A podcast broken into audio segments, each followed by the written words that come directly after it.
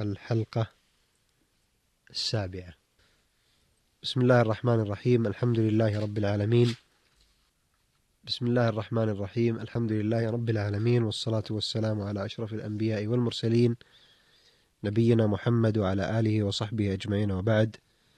إخوتنا المستمعين الكرام السلام عليكم ورحمة الله وبركاته. وأهلا وسهلا بكم. إلى هذا اللقاء.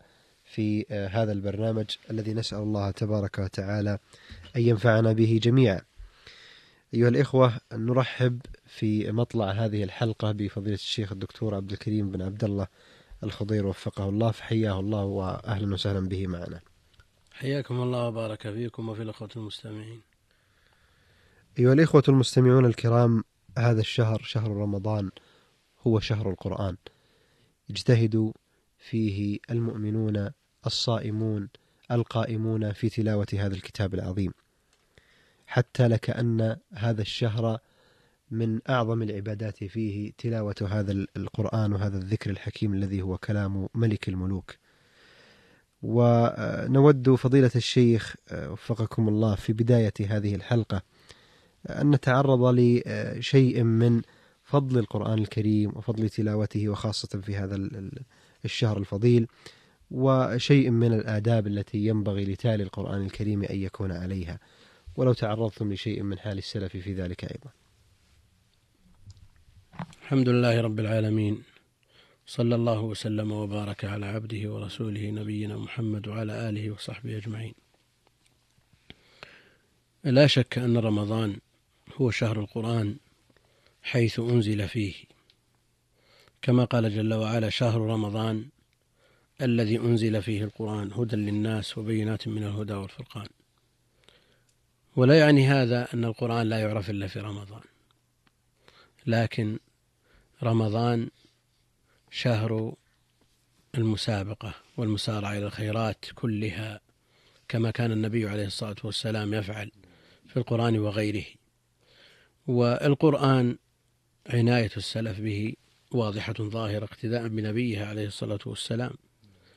لأنه كان يدارسه جبريل القرآن كل ليلة من رمضان.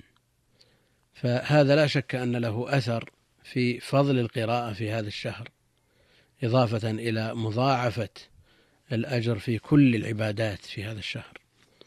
والقرآن كلام الله المنزل على رسوله عليه الصلاة والسلام هو مصدر عز هذه الأمة وشرفها. كما قال جل وعلا صاد والقرآن ذي الذكر أي ذي الشرف. كما قال جل وعلا فيه ذكركم. لقد أنزلنا إليكم كتابا فيه ذكركم أي شرفكم وما تذكرون به. وقال جل وعلا بل أتيناهم بذكرهم أي بما فيه شرفهم. وقال تعالى وإنه لذكر لك ولقومك أي شرف لكم. قال عليه الصلاة والسلام خيركم من تعلم القرآن وعلمه. خرجه البخاري وغيره. رتب النبي عليه الصلاة والسلام على قراءة كل حرف عشر حسنات. بين ذلك بقوله لا أقول ألف لام ميم حرف ولكن ألف حرف ولام حرف وميم حرف. وجاء الحث على قراءة القرآن وتلاوته وترتيله وفهمه وتدبره والعمل به وذم هجره والإعراض عنه. جاء الأمر بالتدبر في مواضع من القرآن أفلا يتدبرون القرآن؟ ولو كان من عند غير الله لوجدوا فيه اختلافا كثيرا. قال جل وعلا أفلا يتدبرون القرآن أم على قلوب أقفالها وقال جل وعلا كتاب أنزلناه إليك ليدبروا آياته. وغير ذلك من الآيات التي تحث على التدبر. وقراءة القرآن على الوجه المأمور به كما يقول شيخ الإسلام ابن تيمية رحمه الله تعالى تورث القلب الإيمان العظيم وتزيده يقينا وطمأنينة وشفاء كما قال جل وعلا وننزل من القرآن ما هو شفاء ورحمة للمؤمنين ولا يزيد الظالمين إلا خسارة. تدبر القرآن يورث الهدى والنور الإلهي واليقين والطمأنينة. يقول ابن القيم فتدبر القرآن إن رمت الهدى فالعلم تحت تدبر القرآن. هناك آداب ينبغي مراعاتها لقارئ القرآن لا سيما ونحن نلاحظ من كثير من الأخوان الذين يجلسون في المسجد ويديمون المقام في المسجد لقراءة القرآن في هذا الشهر المبارك. يوجد بعض ما يلاحظ عليهم. مما آه، قد يفهم منه عدم آه، رعاية حق القرآن واحترام القرآن كما ينبغي. آه، من ذلكم كثير من الناس يقرأ القرآن وهو يتثاءب فتصدر منه أصوات مزعجة وهو يقرأ. لا شك أن التثاؤب من الشيطان. فعلى قارئ القرآن أن يمسك عن عن القراءة أثناء التثاؤب. من ذلكم أن يبدأ القراءة بالاستعاذة والبسملة ولا يقطع القراءة إلا لحاجة وأن يقف عند الوعد والوعيد ويتأثر وألا يترك القرآن منشورا. بعض الناس إذا أراد أن يسجد سجدة التلاوة ترك القرآن منشور مفتوح كذا ويضعه على الأرض. هذا امتهان له. أسوأ من هذا أن يثني الورق. بعض الناس إذا أراد أن يسجد ثنى الورقة وهذا يعرضها للتلف. ولا شك أنه امتهان. وأسوأ من ذلك وقد رأيته قلب المصحف. على وجهه. على وجهه. كل هذا تنبغي ملاحظته. بعض الناس يمد رجله إلى المصحف. هذا أيضا امتهان. فهذا هذا المصحف هذا القرآن كلام الله عز وجل وتعظيمه من تعظيم الله بل من تعظيم شعائر الله. إضافة إلى أنه يجب أن لا يمس القرآن إلا طاهر وأن يستحب أن يستقبل القبلة أثناء القراءة وغير ذلك من الآداب التي ذكرها أهل العلم. هناك آه، قد يمر بالقارئ سجدة سجدة تلاوة نعم. فسجود التلاوة سنة. ينبغي الاهتمام به وأوجبه بعضهم كان شيخ الإسلام يميل إلى أن إلى الوجوب نعم. سجود التلاوة في أوقات النهي يعتريه الخلاف بين أهل العلم في فعل ذوات الأسباب في أوقات النهي عند من يقول بأن سجود التلاوة صلاة. وأما الذي يقول أنه ليس بصلاة وأنه لا يشترط له ما يشترط للصلاة هذا ما عنده إشكال في هذا لكن عند من يقول أنه صلاة ويمنع من فعل ذوات الأسباب في أوقات النهي لا يرى السجود في مثل هذا الوقت. لكن لا شك أن السجود أمره أخف من الصلاة ولذا ينبغي أن يحرص قارئ القرآن على السجود حتى في أوقات النهي. شيخ بالنسبة للتكبير في سجدة التلاوة هل يجب على تالي الساجد هنا أنه وهو يقرأ أن يكبر في الأولى ثم إذا انتهى يكبر أم الصفة في هذا عند من يقول أنه صلاة يقول كبر نعم. إذا إذا سجد وإذا اعتدل من السجود ويسلم عند من يقول أنه صلاة نعم.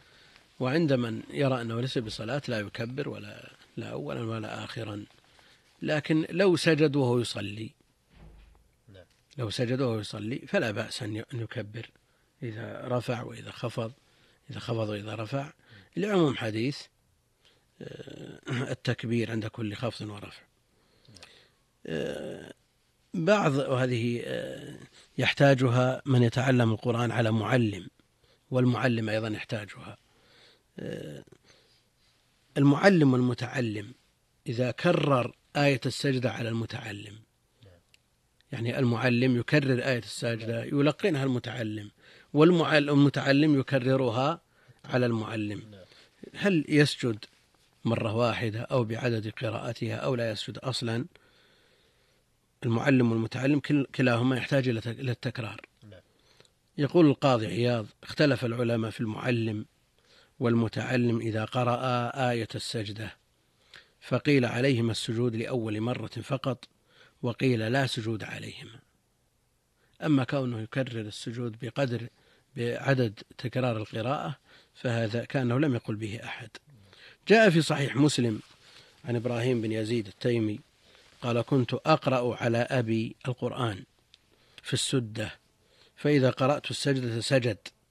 فقلت له, يا أبت أتسجد في الطريق؟ قال إني سمعت أبا ذر يقول سألت رسول الله صلى الله عليه وسلم فساق حديث حيثما أدركتك الصلاة فصلي. وهذا دليل لمن قال بأن سجود التلاوة صلاة. استدلوا بهذا يا شيخ. نعم لأنه قال أدم أيما أدركتك الصلاة هي جزء من الصلاة على كل حال. نعم. فضيلة الشيخ بالنسبة للمدة التي يحسن بالإنسان أن يختم بها القرآن الكريم أدناها أعلاها هل ورد شيء من ذلك عند السلف؟ ثبت في البخاري وغيره عن عبد الله بن عمرو قال قال لي رسول الله صلى الله عليه وسلم اقرأ القرآن في شهر. قلت إني أجد قوة. حتى قال فاقرأه في سبع ولا تزد. روى أبو داود والترمذي مصححا عن عبد الله بن عمرو مرفوعا لا يفقه من قرأ القرآن في أقل من ثلاث. وشاهده عند سعيد بن منصور بإسناد صحيح عن ابن مسعود اقرأوا القرآن في سبع ولا تقرؤوه في أقل من ثلاث. ولأبي عبيد عن عمرة عن عائشة رضي الله عنها أن النبي صلى الله عليه وسلم كان لا يختم القرآن في أقل من ثلاث. قال الحافظ بن حجر وهذا اختيار أحمد وأبي عبيد وإسحاق وغيرهم. يعني عدم القراءة في أقل من عدم آه، الختم في أقل من ثلاث. لكن ثبت عن كثير من السلف وهذا مشكل. ثبت عن كثير من السلف أنهم قرأوا القرآن في أقل من ذلك. قال النووي والاختيار أن ذلك يختلف باختلاف الأشخاص. فمن كان من أهل الفهم وتدقيق الفكر استحب له أن يقتصر على القدر الذي لا يختل به المقصود من التدبر واستخراج المعاني. قل من كان من أهل الفهم وتدقيق الفكر استحب له أن يقتصر على القدر الذي لا يختل به المقصود من التدبر واستخراج المعاني وكذا من كان له شغل بالعلم أو غيره. من مهمات الدين ومصالح المسلمين العامة يستحب له أن يقتصر منه على القدر الذي لا يخل منه بما هو فيه. يعني لا يترك المصالح العامة ويكثر من قراءة القرآن لأن نفع القرآن وإن كان في غاية الأهمية إلا أنه خاص بينما الأعمال المتعدية نفعها ومصالح المسلمين نفع عام ولا, ولا بد أن لا بد للمسلمين من القيام بها نعم. ومن لم يكن كذلك فالأولى له الاستكثار ما أمكنه من غير خروج إلى الملل إلى الملل ولا يقرأه هذرمه لعلنا فضيلة الشيخ لأن الوقت الحقيقة يدركنا أن نكمل هذا هذه المسألة وهي المدة التي يقرأ فيها القرآن الكريم في الحلقة المقبلة. نعتذر للشيخ ونعتذر لكم أنتم مستمعين الكرام.